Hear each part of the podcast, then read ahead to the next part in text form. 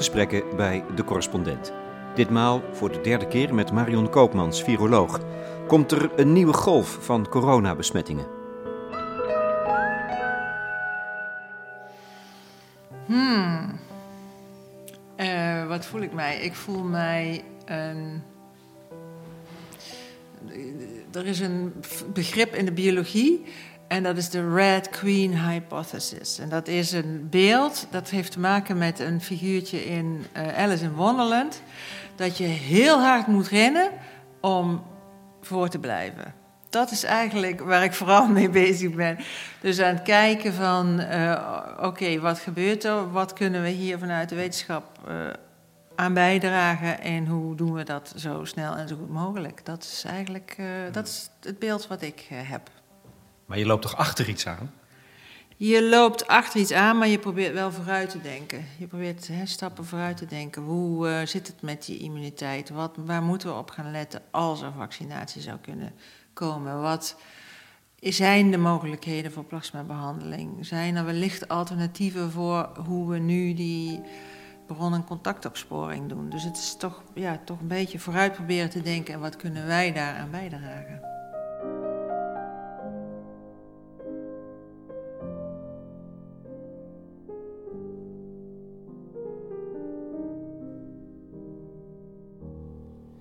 Marion Koopmans, viroloog. Het is de derde keer dat ik haar spreek in de afgelopen vier maanden. Ze heeft een nuchtere kijk op de dingen en dat paart ze aan een grondig inzicht in het wetenschappelijke onderzoek waar ze middenin zit. Dus een prettige gesprekspartner in verwarrende tijden. Iemand die niet pretendeert meer te weten dan ze doet. En tegelijkertijd geduldig alle mogelijke vragen probeert te beantwoorden.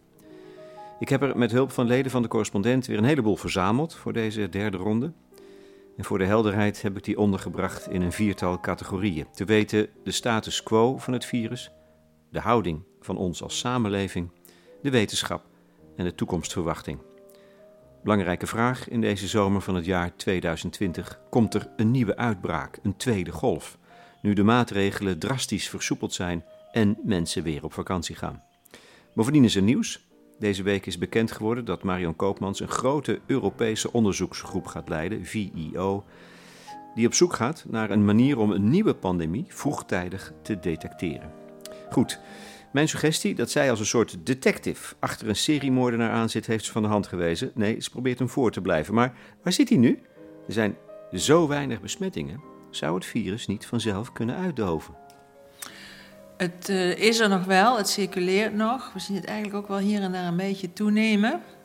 Uh, je ziet als je op de kaarten kijkt, ook op het dashboard wat er inmiddels is, hè, uh, dat dat verschilt in Nederland. Uh, als het zou verdwijnen, dan zou dat het eerst echt in Noord-Nederland zijn. Hè? Daar, daar, zie je heel weinig. Maar ja, het wordt toch nog her en der zo doorgegeven. En ehm, dat betekent dus ook dat met de ja, versoepelingen nu, uh, ik niet verwacht dat dat helemaal naar nul zal gaan. Uh, ook omdat mensen natuurlijk op vakantie gaan, komen weer terug. Uh, ik, ik, heb vanochtend de eerste keer uh, gezien, dat wordt nu meegenomen in wat de GGD's allemaal registreren. Van, bent u op vakantie geweest? En zo ja, waar? dus daar zie je nu ook gewoon de eerste positieve van uit de teststraten die er nu zijn. Dus ik verwacht dat het wel door blijft sukkelen. En verwacht je dan ook, wat sommige mensen zeggen, vanwege de vakanties en de versoepelingen, binnen twee weken komt er een heropleving? Nou, het, het blijft. Kijk, de kans uh, dat je nu dit virus tegenkomt is klein, hè? want het is her en der. Uh, dus het, is, het hangt meer van toeval af of je iets krijgt wat wat groter wordt dan dat je het echt zo als een wetmatigheid nu kunt zeggen. Dus uh, heb je ergens een camping met een feest, waar toevallig een paar positieve tussen zitten, dan kan je in, zomaar ineens weer met een grotere groep zitten en dan kun je een opleving hebben. Als het blijft met hier eentje, daar eentje, daar eentje, is prima bij te houden voor de GGD ook, dan hoeft dat niet. Dus het is echt wel een beetje afhankelijk van toevalstreffers nu. Maar we zitten er toch met z'n allen bovenop. Dus als het al uitbreekt, is, is mijn intuïtie, lekenintuïtie, dan hebben we het veel sneller in kaart gebracht. Ja, dat, dat hoop ik ook. Uh, en dat is ook, want de vraag is, uh, die, die veel hoort nu, is hoe zit het met die tweede golf? Ik denk echt dat die er kan komen en dat we ons daar niet te rijk moeten rekenen, maar dat we daar veel aan te willen hebben in wat we zelf doen. Dus er zijn nu uh, systemen om op alle mogelijke manieren te meten, te testen waar zit dit virus. Uh, waar ik een beetje uh, zorg heb, is of mensen dat überhaupt nog wel gaan opzoeken. Dus we horen van de gedragswetenschappers van het RIVM dat uh, ook mensen die klachten hebben, die krijgen dan de vraag: zou je je dan gaan laten testen? Dat eigenlijk een heel groot deel daarvan zegt: nou nee. we zien ook dat. Het, Hoe komt dat dan, weet je dat? Um, misschien wel omdat mensen denken van, maar het virus is toch zo ver weg. En ook omdat mensen denken, uh, ja, ik heb uh, een loopneus, dat is geen corona. En, en dat is dus gevaarlijk, want dat is niet zo. Dat weten we niet. Het is echt, je kunt niet zeggen, ik heb het niet, als je niet test. En de, het klopt hè, dat de kans dus nu op dit moment is ongeveer 1 op de 500 mensen die getest wordt, die hebben het virus bij zich. Dat is maar een hele kleine trefkans. In die zin hoef je dus ook niet al te veel zorgen te maken. Maar tegelijkertijd is, wel, is dat wel eigenlijk een heel belangrijk deel van ons waarschuwingssysteem. Dat mensen wel zich blijven laten testen. Dus bij verschijnselen, hoe gering ook, doe het alsjeblieft. Ja, gewoon doen. Dat is echt uh, voor een heel belangrijk deel onze monitor. Een angst is? Dat virus is al bezig zich te muteren. Hè? Je ontsnapt toch hè? uit de nazen. Daarom kom ik met dat beeld van die jacht op zo'n serie of sluipmoordenaar. Hij is al verdwenen, anders, andere gedaante. Ja, dat virus muteert. Dat virus muteert bij elke ronde. Um, maar uh, dat maakt niet dat het virus zich heel anders gedraagt dit virus heeft geen mutaties nodig om gemakkelijk te verspreiden. Dat hebben we wel geleerd. Uh, wanneer gaat dat wel spelen? Als er een vaccin komt. Als er bepaalde geneesmiddelen komen die aangrijpen op een bepaald deel van het virus. Dan is de vraag, uh, uh, werkt dat nog wel voor de variant die er dan is? Dus dat moeten we goed in de gaten blijven houden en dat gaat ook georganiseerd worden. En die discussie speelt nu bijvoorbeeld, er was een, uh, vorige week uh, melding dat in Kazachstan, daar is weer wat nieuws, een longontsteking niet verklaard, het is geen corona. Uh, en dat was een bericht vanuit de Chinese ambassade in Kazachstan. En die zeiden van hier is iets nieuws aan het ontstaan. Dan gaan alle alarmbellen af? Um, maar in deze tijd is dat natuurlijk heel gek als dat geen corona zou zijn. Dus waar daarna gekeken wordt, is dat wel zo? En um, hebben ze niet gewoon uh, bijvoorbeeld een virus waar de testen niet meer goed op passen? Dus wij zijn nu aan het kijken, hey, zijn er reizigers uit Kazachstan? Kunnen we daar het virus van in kaart brengen? Sturen we die gegevens daar naartoe en zeggen, let op, kijk naar je test, past die nog wel? Dus dat is het soort van dingen wat nu wereldwijd ook uh, uh, gebeurt.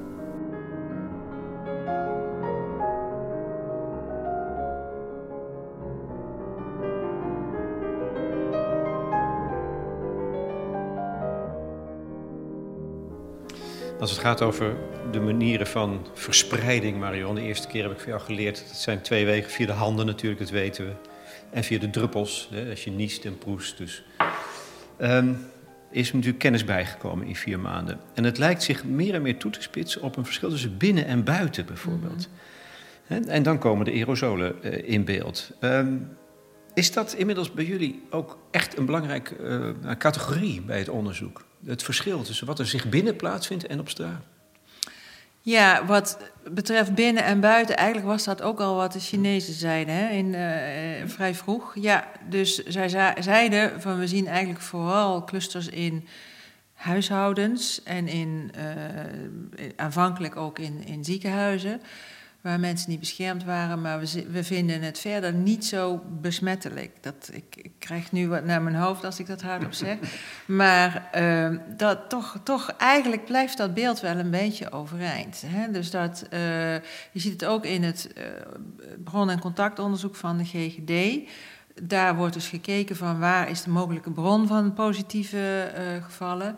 Heel vaak is dat binnen, binnen een huishouden. Um, en uh, dat is ook logisch, want daar zit je dichter bij elkaar. En dan heb je lange contacttijden en dus lang gelegenheid tot overdracht. Um, maar het lastige is, want er zijn dus ook wel mensen die dan zeggen van nou, waarom doe je dan buiten moeilijk? Mhm. Dat is omdat ook buiten, zeker in het drukbevolkte Nederland, je wel situaties hebt waarin mensen heel dicht bij elkaar kunnen komen. Dus dan is dat onderscheid toch weer te klein om te zeggen: het hoeft, je hoeft buiten helemaal geen maatregelen te nemen. Dat, is, ja, dat, vind ik, dat vind ik zelf in ieder geval riskant. Klopt het verhaal van de aerosolen? Hele kleine vochtdeeltjes in de lucht die meer dan we dachten zorgen voor besmetting? Um, het klopt dat uh, aerosolen een rol kunnen spelen. Wat we echt niet weten, daar ben ik toch wel echt stellig in, is hoe belangrijk dat is. Um, we kennen voorbeelden, situaties waar het heel duidelijk is. En dat zijn ook, uh, die, dat zijn ook situaties die bekend staan als aerosol-genererende handelingen. Die zijn goed bekend ook in de ziekenhuizen. Wat zijn dat? Dat zijn dan bepaalde procedures, bijvoorbeeld met vernevelen van geneesmiddelen. Dan maak je gewoon eigenlijk een nevel. Ja, dan creëer je dus aerosolen, dan creëer je een risico. Dat, dat is bekend. Uh, dus dat dat ook kan uh, verspreiden, dat is duidelijk. De vraag is alleen, hoe belangrijk is dat in het geheel, dat dingen? Dus waar mik je het meeste op? En... Uh, de, uh, er is net een, een soort literatuuroverzicht gemaakt door het RIVM. En die hebben gekeken naar die vragen die, waar we veel over gehoord hebben afgelopen maanden. Hoe zit het nou met praten? Ja, er worden druppels gegenereerd. Hoe zit het met hoesten, niezen? Er worden allemaal druppels gegenereerd. Uh, en kleine druppels, aerosolen. Dus het is niet een, het een wel en het ander niet. Het is altijd natuurlijk een gradient. Maar je ziet wel dat uh, op basis van die literatuur dat tussen de dichtbij, de praten en het, en het niezen, daar zit een factor duizend verschil in volume van de druppels die gegenereerd worden. Dus dat is een heel groot verschil in de kans dat dat een probleem wordt. Um, en uh, en dan zie je dat veel van de toch wel stelligheid over aerosolen, die is gebaseerd op modelstudies die gebruik hebben gemaakt van de gegevens van, uh, uit de vroege fase van de pandemie. En dat was in China en daar werd eigenlijk mensen met milde klachten niet meegerekend. Dus dat maakt dat het nog steeds uh, niet duidelijk is, is ja, aerosolverspreiding kan, maar is het nou echt hoe belangrijk is het in het geheel dat dingen? En de reden waarom dat dus ook in de discussies bij het RIVM, maar ook bij de WHO, ehm, toch steeds uh, zo geconcludeerd wordt van ja, het kan, maar het is niet het allerbelangrijkste. Heeft ook te maken met wat we gezien hebben op plekken waar je gewoon beperkte uh, introductie had. Een paar mensen, een uh, contactonderzoek eromheen. En daar is echt met de klassieke druppel- en hygiënemaatregelen is dat gestopt. Dat zou niet hebben gewerkt als, als die aerosolverspreiding een heel belangrijk onderdeel was geweest. Dus daar heeft het mee te maken. Ja. Wel een tendens dat het binnen gebeurt, hè, voornamelijk. Dan fixeren veel mensen zich op ventilatie, bijvoorbeeld, ja. airconditioning. Ja. Um, uh, dus vragen naar de kwaliteit van de ventilatie. Uh, filters zelfs, zover gaat het. Zijn dat dingen waar je, uh, waar je winst mee kunt boeken? Um, nou ja, wat wel. Ik, ik weet echt weinig van ventilatie hoor. Maar wat uh, je hoort is dat de mensen die echt in de ventilatiehoek zitten zeggen van nou je, je hebt goede en minder goede ruimteventilatie. Dus dat is wel ook wat geadviseerd wordt van zorg wel dat uh, iets aan de bouwnormen voor ventilatie voldoet, zeker bij de instellingen. Um, zorg voor he, verse ramen open, deuren open. Um, het is alleen uh, kijk, als je mij als wetenschapper vraagt, het is zo ongelooflijk lastig om daar harde evidence voor te vinden. We hebben nu Ehm, dus in, in, mijn team zitten uh, mensen die hebben ook de overdracht via druppeltjes onderzocht. tussen in een diermodel in fretten. En die zijn nu aan het kijken of ze dat voor elkaar kunnen krijgen voor langere afstanden, voor aerosolen. Um, het is verschrikkelijk ingewikkeld. Want dan zeg je, ja, misschien gaan we dat wel zien hè, in, in de fretten. Hoe relevant is, is dat dan voor wat we bij mensen zien? Um, en dat is echt heel lastig. Er zijn ook studies gaande waarbij uh, luchtmetingen worden gedaan. Um, daar hebben we in het ziekenhuis ook uh, al een aantal jaren een onderzoeksgroep op.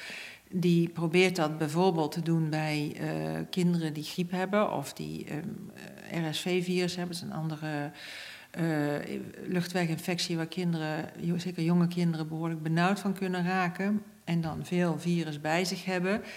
Uh, die hebben de grootste moeite om zelfs naast zo'n kind uh, virus te vangen met een luchtsampler. En laat staan dan dat virus nog te kweken. Want dat moet je dan ook nog weten, is dit virus nog wel besmettelijk? Dus uh, de vraag is heel legitiem. Het beantwoorden door, door solide onderzoek is verschrikkelijk ingewikkeld. En daar hebben we last van. Dat is, dat is gewoon wat je merkt in de discussie. Is het dan wel nog steeds verstandig om um, bijvoorbeeld kantoorruimtes te vermijden? Mensen gaan nog steeds, maar vrij massaal, niet naar het werk als het om een kantoor gaat. Is dat iets verstandigs?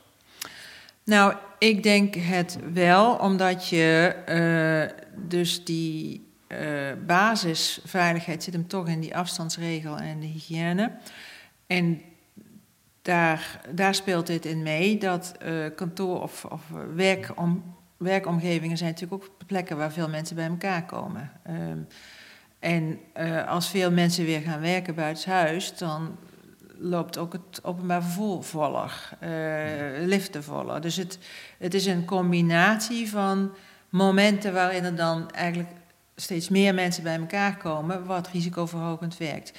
Dus en, dus dat is een belangrijke reden. Ja. ja, Dus je zou het moeten doseren of zo? Ja, je zou het moeten doseren. Dus wij zijn daar zelf met, bij ons ook mee bezig. Ik heb de, hele afdeling uh, thuis gehad zitten, behalve de mensen die aan corona werken. We zijn nu ook aan het kijken, ja, hoe kunnen we het nou zo doen dat we niet hè, uh, alles volzetten. Want als iedereen er is, dan, dan zitten we hutje-mutje. Dat is niet verstandig.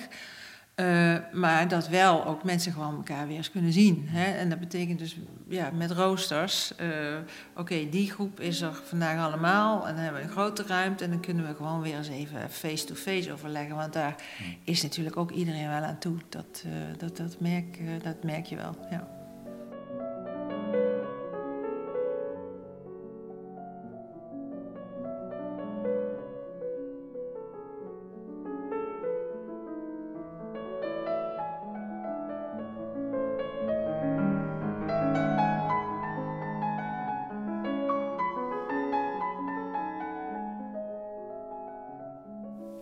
Tweede onderwerp is onze houding als samenleving.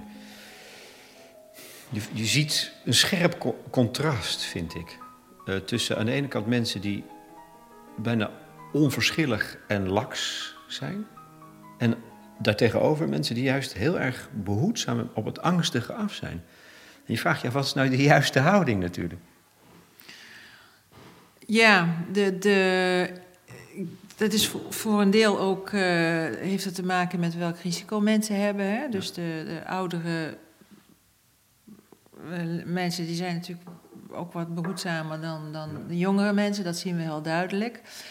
En dat is terecht, uh, toch ook? Dat is terecht, maar je zou willen dat het voor allebei geldt. En voor alle, dat je, ja, idealiter ga je natuurlijk naar een situatie toe waarin iedereen wel weer wat kan bewegen, maar met rekening houdend met. Hm. Um, en uh, wat je merkt is dat uh, mensen daar erg in verschillen. Uh, ik denk dat daar informatie wel heel belangrijk is. wat we nu zien, hebben we ook besproken in een recent overleg, is ja, toch een beetje het gevoel lijkt te ontstaan bij jongeren van dit gaat niet over ons, is heel begrijpelijk, maar toch ook niet, niet waar. Uh, dat is ook als je het hebt over impact op jongere mensen. Het is niet alleen een infectie van oude, zwakke mensen. Het, het is een infectie die breed mensen treft waar we nog steeds ook nieuwe dingen leren. Ehm, er komen nu ziektebeelden naar voren die dus niet die longontsteking zijn, maar neurologische klachten, gevolgen van effecten op de bloedstolling bij relatief jonge mensen. Dus uh, ik zou er echt niet mee spotten. Nee. En, en, en, al, en, en die grote angst die je aan de andere kant ziet, is dat gerechtvaardigd of moet je dat dan ook relativeren? Ja, dat is. Uh, ik vind het begrijpelijk. Um, um, en mensen zijn natuurlijk heel verschillend, maar je moet dus leren omgaan met dit risico. Uh, en, uh, want ja, ook als je nu naar buiten gaat, kijk, uh, wat ik zeg, ook van de mensen die hoesten en, en, en poesten, die getest worden, is maar 1 op de 500 positief. Hè? Dus uh, het, betekent niet meteen dat, oh, oh, ik heb iemand gezien en die, uh, die lijkt verkouden en nu, nu is het gebeurd. Dat hoeft niet. Dus, maar het is inderdaad wel zoeken, ik snap dat wel. Het is, en is dan, wat is dan het verstandigste? Ik las een brief van een huisarts die pleit voor gezond verstand gebruiken. Ja. En daar kan ik me wel iets bij voorstellen. En ik vraag het ook omdat er, um, en dat dat knijpt, dat, het lijkt soms alsof er met heel verschillende maten wordt gemeten per sector. Als je naar de luchtvaart, dat is een, een pijnpunt voor veel mensen. Kijk eens, KLM, je mag weer vliegen. Hoe, hoe idioot. Concertzalen zijn nog, zijn nog steeds mondjesmaat, mogen mensen er naartoe. Um, verpleeghuizen zitten ook nog voor een groot deel dicht. Dus dat zijn twee vragen die ik inmiddels heb gesteld wat is het belang van gezond verstand? En dan moet je het als individu je verantwoordelijkheid nemen. En, en wordt er eigenlijk met twee verschillende maten gemeten?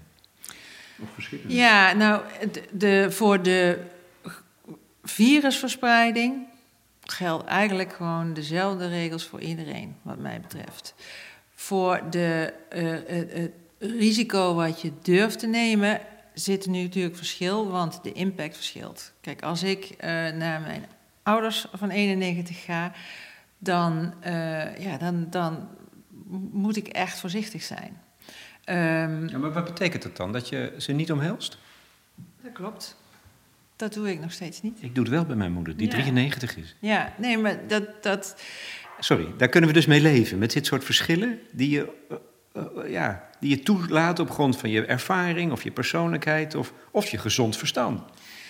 Um, het gaat uh, goed zolang het goed gaat. Dat is het gewoon. En uh, het leven is risico's nemen. Als je de deur uitstapt en je auto stapt, kun je ook, kan er ook wat gebeuren. Dus dat is het gezonde verstand, de gezonde verstandportie. Um, maar ja, het is nu wel een beetje zoeken. De, de basisregels zijn echt niet anders. Wat je merkt is, en waar ook die tegenstellingen vanuit ontstaan, is dat de economie natuurlijk steeds harder begint te, te knellen. Wat ook belangrijk is en ook begrijpelijk is. En sommigen zeggen, ja, daar gaan veel meer, uh, dat gaat veel meer levens kosten dan die hele corona. Dus uh, je moet wel iets en daar worden keuzes in gemaakt. Ja, dat zijn niet per se altijd de mijne, um, maar die worden wel gemaakt. Moet je per se vliegen? Uh, wat, wat, moet je per se vliegen als ik het op jou op de vrouw ja, afvraag? Nou ja, als, uh, kijk, als ik het helemaal voor het zeggen zou hebben, wat ik niet heb, dan zeg ik van ja, als je nou. Uh, het gaat dus over hoeveel risico ja. wil je nemen. Hè? Dat, dat is waar de maatschappelijke keuzes over gaan. En vul je die dan in met, met vliegen en op vakantie gaan, of vul je die in met ruimte geven zodat de verpleeghuizen wel open kunnen. Ja. Dat zijn hele lastige keuzes die ik niet kan maken. Dat zijn echt maatschappelijke keuzes. Ja, wij kunnen als mens wel de verantwoordelijkheid nemen en zeggen: Nou, kijk, eh, hoe, eh, dat, er is een economisch belang om KLM te steunen en weer te laten vliegen. Maar je kunt zelf zeggen als burger: ik ga niet vliegen. Ja, dat, dat kan. En dat is dus ook de individuele keuze die iedereen uh, kan maken. Uh, je kunt op vakantie gaan, maar je kunt dat doen uh, gewoon rekening houdend met waar zit nou het risico, wat ga ik precies doen, waar ga ik heen, weet ik hoe het daar ervoor staat, weet ik waar ik moet zijn als, het, als ik me niet goed voel. En je kunt ook op vakantie gaan en zeggen, nou, maakt mij niet uit, ik ga gewoon lekker naar een uh, dichtbevolkt resort en ik ga feesten. Ja, dat zijn twee hele verschillende keuzes. Ja. Ja. Hè? Dus als je dan zegt... Ja, nee, maar ze hebben natuurlijk wel een maatschappelijk, ze hebben een maatschappelijke betekenis. Um, ik denk, ja, het is belangrijk dat we weer een beetje ja, gewoon kunnen leven. Dat is duidelijk. Uh, maar ja, je zult mij niet horen zeggen dat risico is, is verwaarloosbaar, want het is gewoon niet zo. Kijk wat in de VS gebeurt. Daar zijn ze echt te vroeg um, afgeschaald. En uh, je zag een tijd lang uh, in Florida bijvoorbeeld, uh, nou zie je wel, het zijn alleen de jongeren, die sterfte, dat stelt niks voor. en nu begint dat op te lopen, want nu is de, hè, het, de verspreiding is op gang. En nu is het niet meer tegen te houden. En zien ze dat de ziekenhuizen vol liggen. Um, ik, ik denk echt dat ze daar met code zwart te maken gaan krijgen. Dat is niet wat je wil. En uh, dus uh, het is inderdaad een hele lastige balans tussen uh, hoeveel kan wel, hoeveel kan niet. Ik denk echt dat we daar wel met alles wat er nu klaar is qua, qua testen, qua monitoring de rioolwatermonitoring, de teststraten, dat dat de uitgangssituatie veel veel beter is dan in uh, februari. Uh, maar we kunnen ons niet alles permitteren. We kunnen niet alles zomaar loslaten.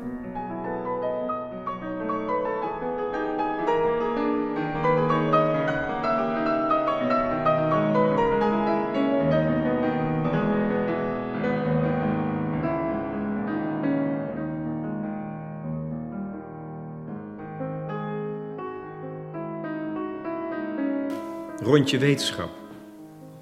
Het valt mij op dat burgers, ook bij de correspondent, graag landen met elkaar vergelijken. Het ene land, Japan, daar gaat het zus. En dan komen ze weer met Afrika. Begrijpelijk. Is er zo langzamerhand, na vier maanden, een globaal inzicht vanuit de wetenschap, zo van ja, de, dat heeft zin om te vergelijken, om voorbeelden te stellen? Of is dat er nog, is dat er nog helemaal niet? Uh, nou, als je de discussie over verschillende landen, die gaat uh, volgens mij vooral over uh, wie heeft het het beste gedaan. Ja. Nou, die vraag vind ik nog voorbarig, ehm, want we zijn nog helemaal niet door die pandemie heen. Dat zie je wereldwijd.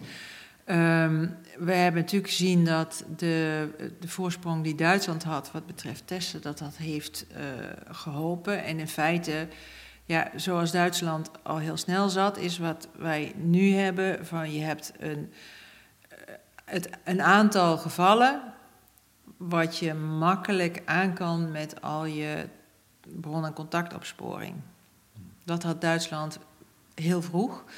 Uh, wij hebben... Waar zijn wij naar later geweest in het vermogen om te testen? Nou, toen zijn we later, niet nalatig, maar later. Want wat, er was echt simpelweg een tekort aan van alles en nog wat. En dat had te maken met, voor een deel, dat Duitsland de eerste was. Dus uh, de fabrikanten van zeldzame spullen, die stuurden die naar Duitsland, want daar waren gevallen. Mhm. En wij konden ze niet krijgen. En uh, dus, dus dat soort uh, mechanismen hebben een rol gespeeld. Um, en dat is natuurlijk ook wel een hele uh, belangrijke en harde les.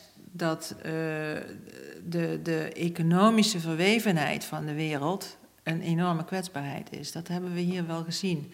He, dus dat het dichtgaan van uh, Wuhan en later China voor internationale transporten hier enorme tekort heeft opgeleverd van spullen die we hard nodig hadden voor die bestrijding. Hetzelfde met Noord-Italië. Uh, dus, dus ja, en dat, ja, dat zal toch anders moeten als je denkt in termen van, uh, van voorbereiding. Um, zijn de uh, epidemieën heel anders geweest? Je ziet verschillen in de sterftecijfers. Um, daar moet nog steeds goed naar gekeken worden. Want er zijn twee dingen die je nodig hebt. Je moet eigenlijk weten hoe zit het nou met de, hoeveel mensen hebben deze infectie gehad. Daarvoor moet je meer bevolkingsonderzoek doen, ook los van mensen met klachten. Omdat we weten dat ook mensen zijn die, die geen symptomen hebben. Met uh, goed gestandardiseerde uh, bloedonderzoeken. Hm. Dat geeft dan je maat van zoveel mensen hebben het gehad. En in diezelfde periode, hoeveel mensen hebben, zijn nu overleden, hebben in het ziekenhuis gelegen enzovoort. Uh, en die vergelijkingen, die zijn er nog niet. Niet op een manier dat je zegt van nou, nu vertrouw ik het, want het is echt uh, goed onderbouwd, vergelijkend uh, onderzoek gedaan. En dat zijn de evaluaties die moeten gaan komen. Heb jij zelf eigenlijk in vier maanden tijd uh, wetenschappelijke inzichten moeten bijstellen? Echt belangrijke? Um, nou ja, een belangrijke was natuurlijk uh, de. Hoe ziet de piramide eruit? Van hoeveel is echt ernstig, maar wat zit er eigenlijk allemaal onder? Uh, dat hebben we geleerd. Uh, en met name hoe belangrijk de milde verspreiders zijn. Want die spelen juist een belangrijke rol. Die spelen een belangrijke rol. Dat is echt anders dan we met SARS en MERS hebben gezien. Uh, en dat weet je ook niet. We hebben ook van begin af aan wel als vraag, belangrijke vraag, geformuleerd. Uh, um, en daar was dus ook uh, ja, een, een dierexperimentele vergelijking. Dat was echt het uh, wauw-moment van, oh, dit virus gedraagt zich echt anders dan SARS en MERS. Um, dus dat was uh, belangrijk. Um, ja, de toch beperkte immuniteit, niet zozeer uh, dat me dat nou heel erg verraste, maar ook wel toch bevestigde. Ja, het zit dus helemaal niet zo ver van die schattingen af die we uit China hoorden, hè, wat aanvankelijk een beetje het beeld was. Ja, heel laag. Dat, over de opbouw van de immuniteit. Immuniteit. Opbouw van de immuniteit, maar ook gewoon hoeveel mensen het uh, gehad hadden. Dus met, er waren een soort geluiden van, nou, wat je ziet in Wuhan, betekent gewoon dat het heel ver verspreid is. Uh, maar dat melden ze gewoon niet. Uh, nou, Wuhan heeft inmiddels dus ook zo'n zo'n bloedonderzoek gepubliceerd. En daar zien ze dus ook maar 4, 5 procent van de mensen heeft infectie gehad. Dus echt, het is gewoon, zelfs met een relatief beperkte verspreiding, een enorme impact. Als, als het gaat over die milde gevallen, uh, er is Michiel de Hoog, mijn collega, wees me erop op de begripsverwarring tussen asymptomatisch en presymptomatisch. Kun je dat nog eens even helder, het onderscheid uitleggen? Ja, ik, eh, dus presymptomatisch betekent voorafgaand aan het symptomatisch zijn. Dus dat betekent van je hebt de infectie, uh, het zit eraan te komen, het begint te kriebelen dingen, maar je noemt het nog niet echt symptomatisch. Hmm. En de volgende, en morgen zeg je, oh, nou weet ik waarom ik me gisteren misschien niet helemaal fit voelde. Dat is presymptomatisch. Asymptomatisch is, je hebt infectie, je merkt er helemaal niks van. Ja, simpel. Waarom is er nou zoveel begripsverwarring over, zou je zeggen? Ja. ja. Overigens, dat, dat, dat zo'n uh, belangrijke rol speelt. Hè? Zelfs het niet hebben van klachten, terwijl je wel geïnfecteerd bent. Dat maakt het onderzoek denk ik ook buitengewoon lastig, toch? Ja, nu is dat niet uh, gewoon hè, voor infecties. Ze hebben uh, zoiets als polio bijvoorbeeld. Er heeft maar één op de 500 mensen heeft merkbaar klachten. Dus dat kan heel erg lang ondergronds gaan. Uh, dus, en, en de andere, ja, SARS en MERS, daar was juist het percentage met zonder klachten heel laag. Dus eh, daar zit je mee aan het begin van zo'n nieuwe uitbraak. Waar zit deze nou? Waar zit die? Waar zit die? Ja, nou, um, ruim de helft, denk ik nu, is asymptomatisch. Dat is gebaseerd vooral op de uh, studie op dat uh, cruiseschip. Maar er zijn ook nog wel uh, een nieuwe publicatie van een van die dorpen in Italië, wat op een gegeven moment de slop op slot is gezet en waar een heleboel mensen zijn getest. En iets vergelijkbaars in, in IJsland. Dus een fors deel van de mensen heeft, merkt er eigenlijk niks van.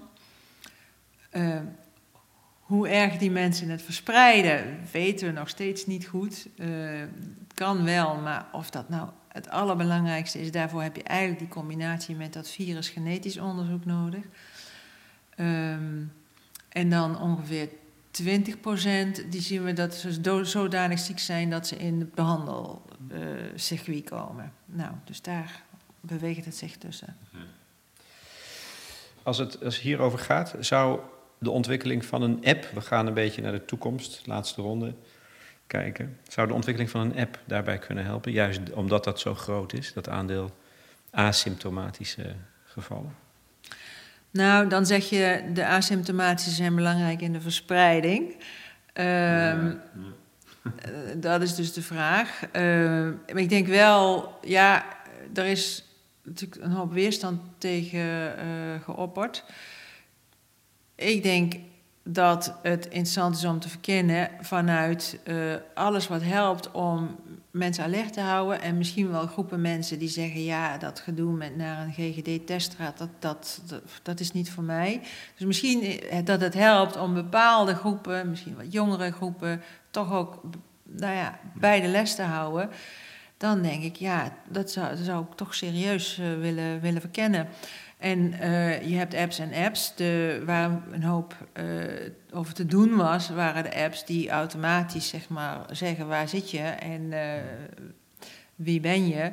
Nou, daar zijn ook in het buitenland wel voorbeelden dat dat volledig geanonimiseerd kan. nou, dan moet je dat wel willen vertrouwen natuurlijk. Ja, dat, dat weet ik niet. Ik ben nee. geen, geen kenner. Iemand bij de autoriteitspersoonsgegevens die ik goed ken zegt dat kan niet. Dat is ja. niet anoniem. Ja, ja dat uh, weet ik dan niet. Uh, en dan is het natuurlijk lastig. Uh, maar dan is de vraag, maar wie krijgt die gegevens? Dus als het is van, het is verkeer van mij met mijn telefoon naar degene met wie ik contact heb gehad zonder bemoeienis van derden. als dat zou kunnen, dan zou ik zeggen, ja, waarom niet? Um, en je kunt ook nog zeggen van, uh, ja, mensen kunnen natuurlijk ook gewoon voor kiezen van, ja, ik vind het wel oké, okay, ik wil het wel weten.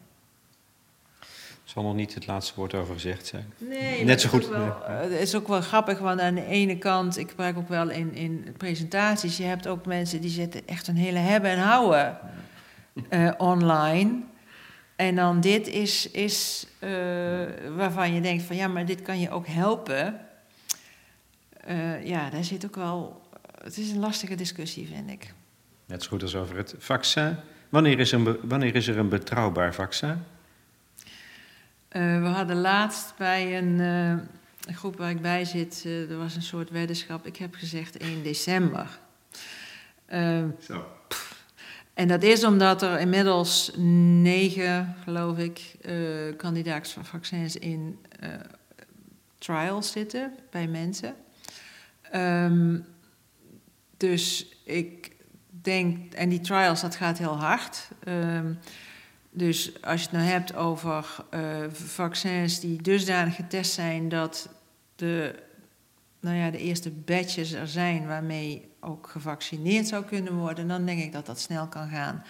Zitten wel echt nog een hoop vragen, want um, hoe goed is die immuniteit? We hebben nu de eerste geluiden dat de eigenlijk de immuniteit na de natuurlijke infectie vrij snel terugloopt. Zeker als mensen niet zo heel ziek zijn geweest. Hoe gaat het dan met hmm. vaccinatie? Vaak geef je daar wat hulpstoffen bij, dus dat, dat zal meevallen, maar moet wel bekeken worden. Um, dus, dan, dus alle hoop vestigen op een vaccin is ook overdreven? Nou, uh, is denk ik niet verstandig. We weten dat die trajecten vaak complex zijn en dat er heel veel vaccins sneuvelen, juist in de fase waar je nu zit. Hè, dat je het moet gaan, op grotere schaal moet gaan maken en grotere studies. Um, de, en uiteindelijk blijft daar, heb ik wel eens me laten vertellen, 1 op de 25 ongeveer van over. Nou, er zijn er ongeveer 200 uh, die, die bekeken worden, dus hmm. wat dat dan gaat, statistisch gezien zou het moeten lukken. Maar ik heb het nu dan over een eerste batch vaccins waarmee je wat kunt gaan doen. Dan komt de hele ingewikkelde vraag: wie ga je dan vaccineren? Want er gaat nooit genoeg zijn voor de hele wereldbevolking. Dus je moet gaan denken over hoe ga je dan, als je een vaccin hebt, hoe ga je dat inzetten? Wie gaan het het eerst krijgen? Zijn dat die kwetsbare groepen? Zijn dat de zorgverleners? Uh, ga je het inzetten om verspreiding in te dammen? Dan moet je het misschien wel bij de jongeren, hè, de, de middenvolwassenen doen, uh, die, die vrijer bewegen. Dat gaat een, ook een belangrijke Zo. discussie worden. En wie heeft het antwoord daar? Nou, dat is dus ook echt een, eh, een maatschappelijke uh, en politieke discussie waarin keuzes te maken zijn. Je kunt die vaccins ja, op verschillende manieren inzetten. En zeker als er. Uh, de, ik denk dat we moeten voorbereiden. Even als ik. Ja, ik ga ervan uit dat er wel vaccins gaan komen die goed getest zijn en die toegelaten worden. Maar dat je echt moet voorbereiden op een situatie waarin je moet prioriteren.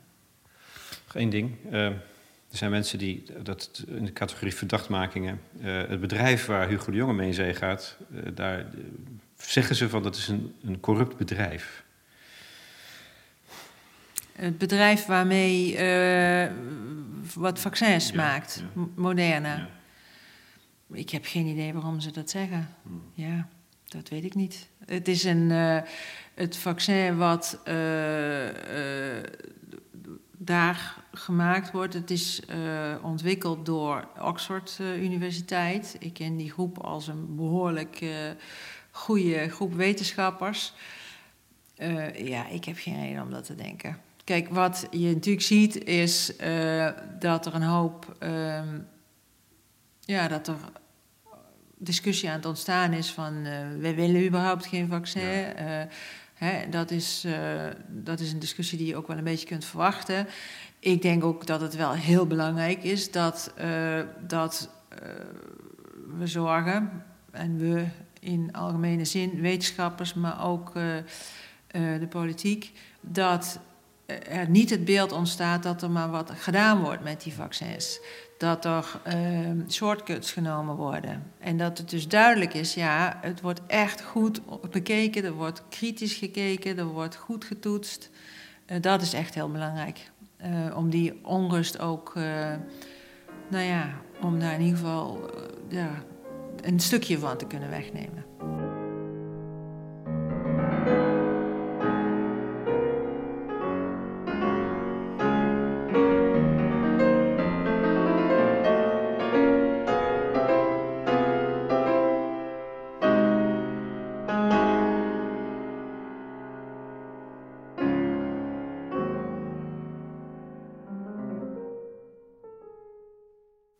En dan tot slot, Marion Koopmans, er is ook goed nieuws. Deze week is het bekendgemaakt. Je gaat een, onderzoek, een Europese onderzoeksgroep leiden voor vijf jaar naar het ontstaan uh, vroegtijdig signaleren van pandemieën. VEO, let op, Versatile Emerging Infectious Diseases Observatory. Ja, heel goed. Zo, kan jij het al uit je hoofd? nou, nee, ik, ik luisterde even mee. Uh, ja, nee, dat is een uh, project wat ik meer dan een jaar geleden met een aantal mensen heb uh, geschreven. Notabene, vooruitziende blik. Ehm, inderdaad, vanuit we moeten echt zorgen dat we beter kunnen voorspellen waar nou die risico's ontstaan en, en wat kunnen we nou bedenken om daar beter in te worden.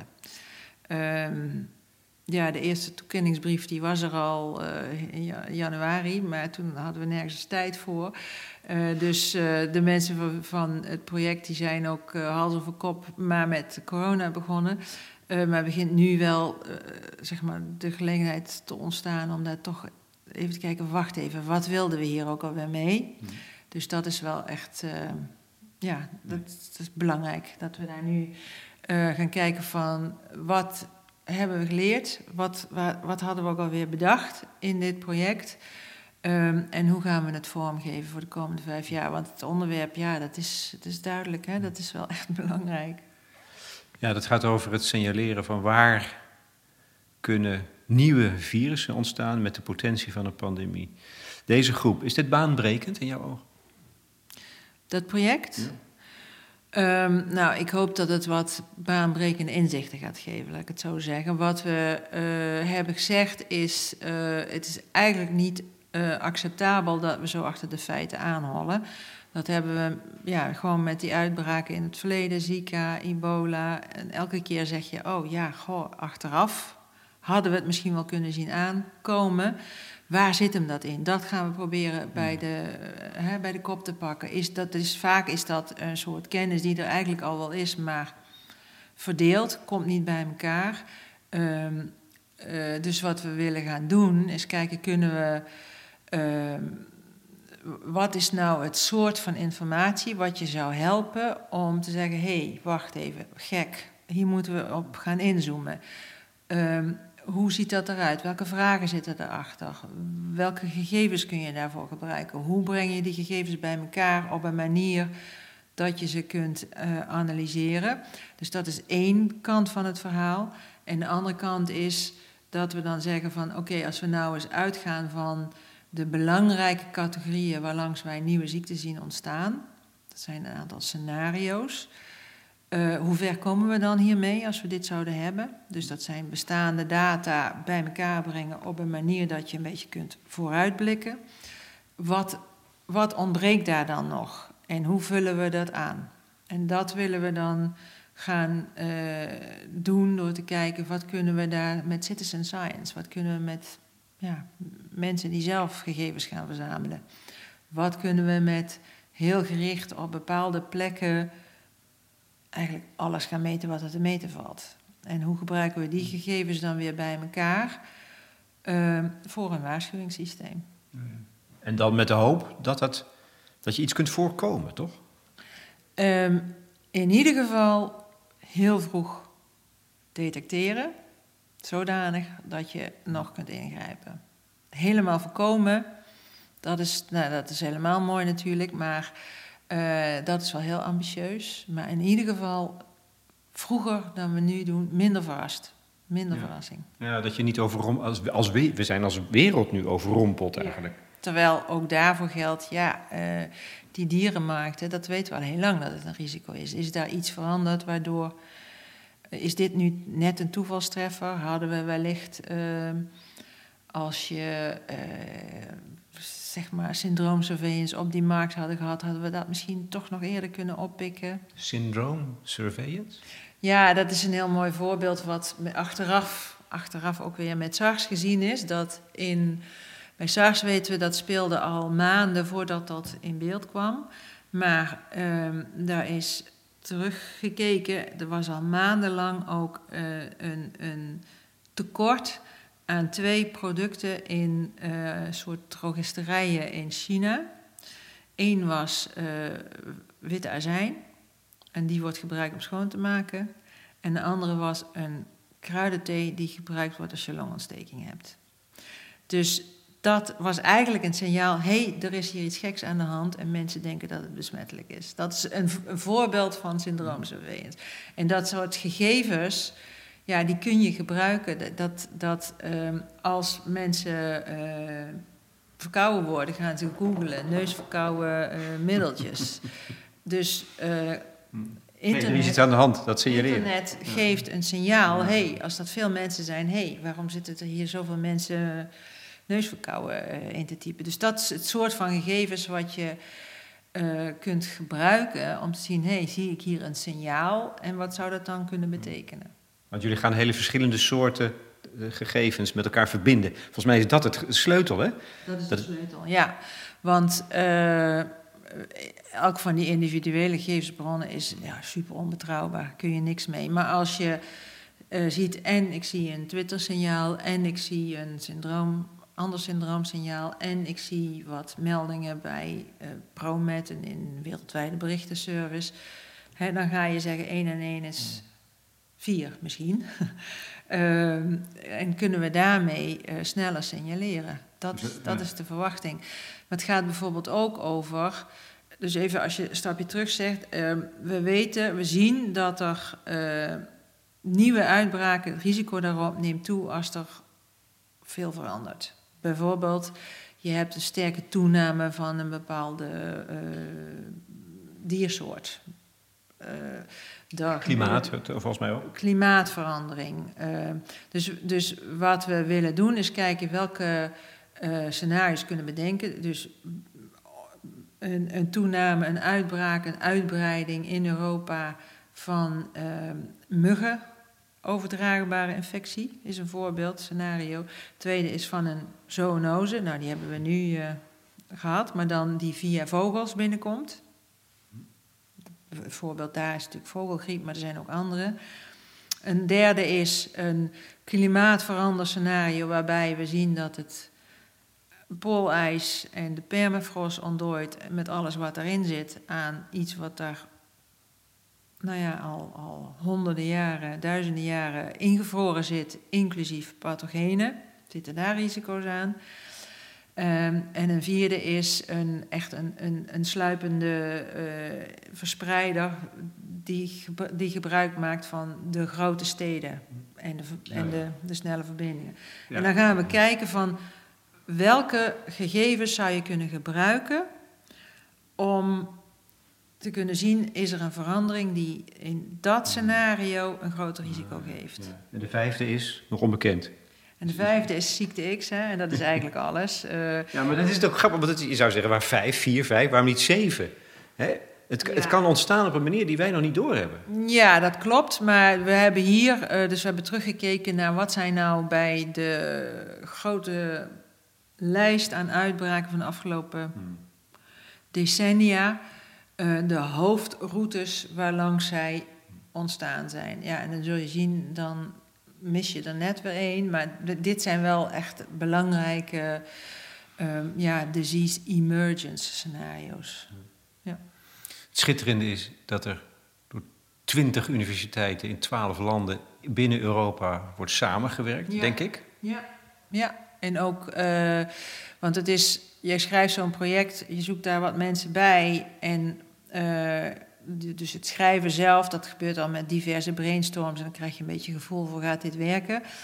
Uh, maar wat uh, ik wel gemerkt heb is, ja, we hebben allemaal natuurlijk ook zijn in de corona getrokken of hmm. gestapt. maar we zien daar eigenlijk al dat een deel van die concepten gewoon werken. Dus een van de collega's in Zwitserland, samen met iemand in uh, Hongarije en iemand in Italië. Die zijn met de Twitter-data aan de slag gegaan. Uh, daar zijn ze vanaf begin januari uh, zijn ze die gaan verzamelen.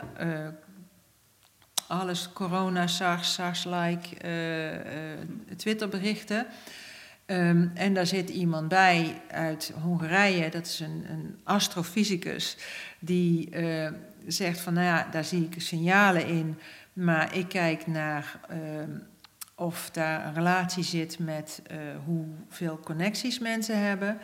En er zit een fysicus in, in Italië en die zegt: Ik wil kijken of er netwerken in zitten. Hmm. En wat je dan ziet, is dat zij uh, in feite in dat Twitterverkeer zien: hé, hey, er is hier een groep aan het opkomen die uh, tegen bepaalde soorten maatregelen is. Uh, ze hebben een soort Twitter-brein gemaakt, waarin je ziet hier is de, nou ja, de, de, de, de, de meldingen rondom uh, Trump, mensen die niet geloven in maatregelen, mensen met, hmm. met uh, complottheorieën. En die, dat, is een, dat is een heel groot deel van alle Twitterberichten. Dus en we hebben ook een soort ranglijst gemaakt door de tijd, waarin je ziet, nou, er komt eerst, uh, je hebt twintig berichten op categorieën op een rij. 17 zijn complot, uh, anti-vaccinatie, uh, anti-China. en dan komt de WHO. En dat dus de maar wat is, dat de, wat is dat de relatie met, met het opsporen van, uh, vroegtijdig opsporen van de pandemie? Nou, dus dat je weer, als je teruggaat naar hoe uh, een, een, belangrijk deel van de, de, de, het elkaar informeren is gebruik van allerlei media. Hè. Er zijn uh, informatieberichten voor het signaleren van infecties, die worden hierdoor dus een soort ja, dat, je moet een soort kaf uit het koren gaan vissen. Dus hoe doe je dat? Dus zij zijn op zoek naar manieren om dat te doen zodanig dat je kunt zeggen van, uh, ja, dit deel van de informatie, hier moet je naar kijken. Het lijkt me veelbelovend. Het is uh, fascinerend. Uh, ik hoop dat we, ik, ik ben ervan overtuigd dat we stappen moeten zetten. Ik ben ervan overtuigd dat je die samenwerkingen nodig hebt. En uh, ja, ik hoop dat we daar wat stapjes in kunnen zetten. Het duurt vijf jaar, jij gaat het leiden. Ehm, het lijkt mij een felicitatie waard. Um, ja, ik had het liever uh, gezien zonder de corona-uitbraak, eerlijk gezegd. Dus het, er, zit, er zit een beetje een wolk overheen. Maar uh, ja, het is, het is wel een heel mooi project, zeker. Gefeliciteerd. En dankjewel voor deze opnieuw buitengewoon heldere uitleg weer. Dankjewel. Graag gedaan.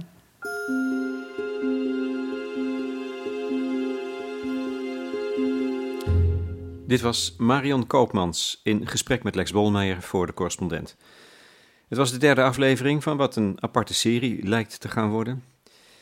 Er is op ons platform ruimte om commentaar te geven en nieuwe vragen te stellen, uiteraard. Daar is de bijdragesectie van de correspondent op gericht. Alleen toegankelijk voor leden, maar je bent al lid voor zeven tientjes per jaar en daar leveren wij journalistiek voor voorbij de waan van de dag. Iedere dag. Je hoorde trouwens muziek van Chopin, favoriete muziek van Marion Koopmans. Twee nocturnes, gespeeld door Camille Boomsma en Maria Joao Piers. Muziek als een kalmerend middel.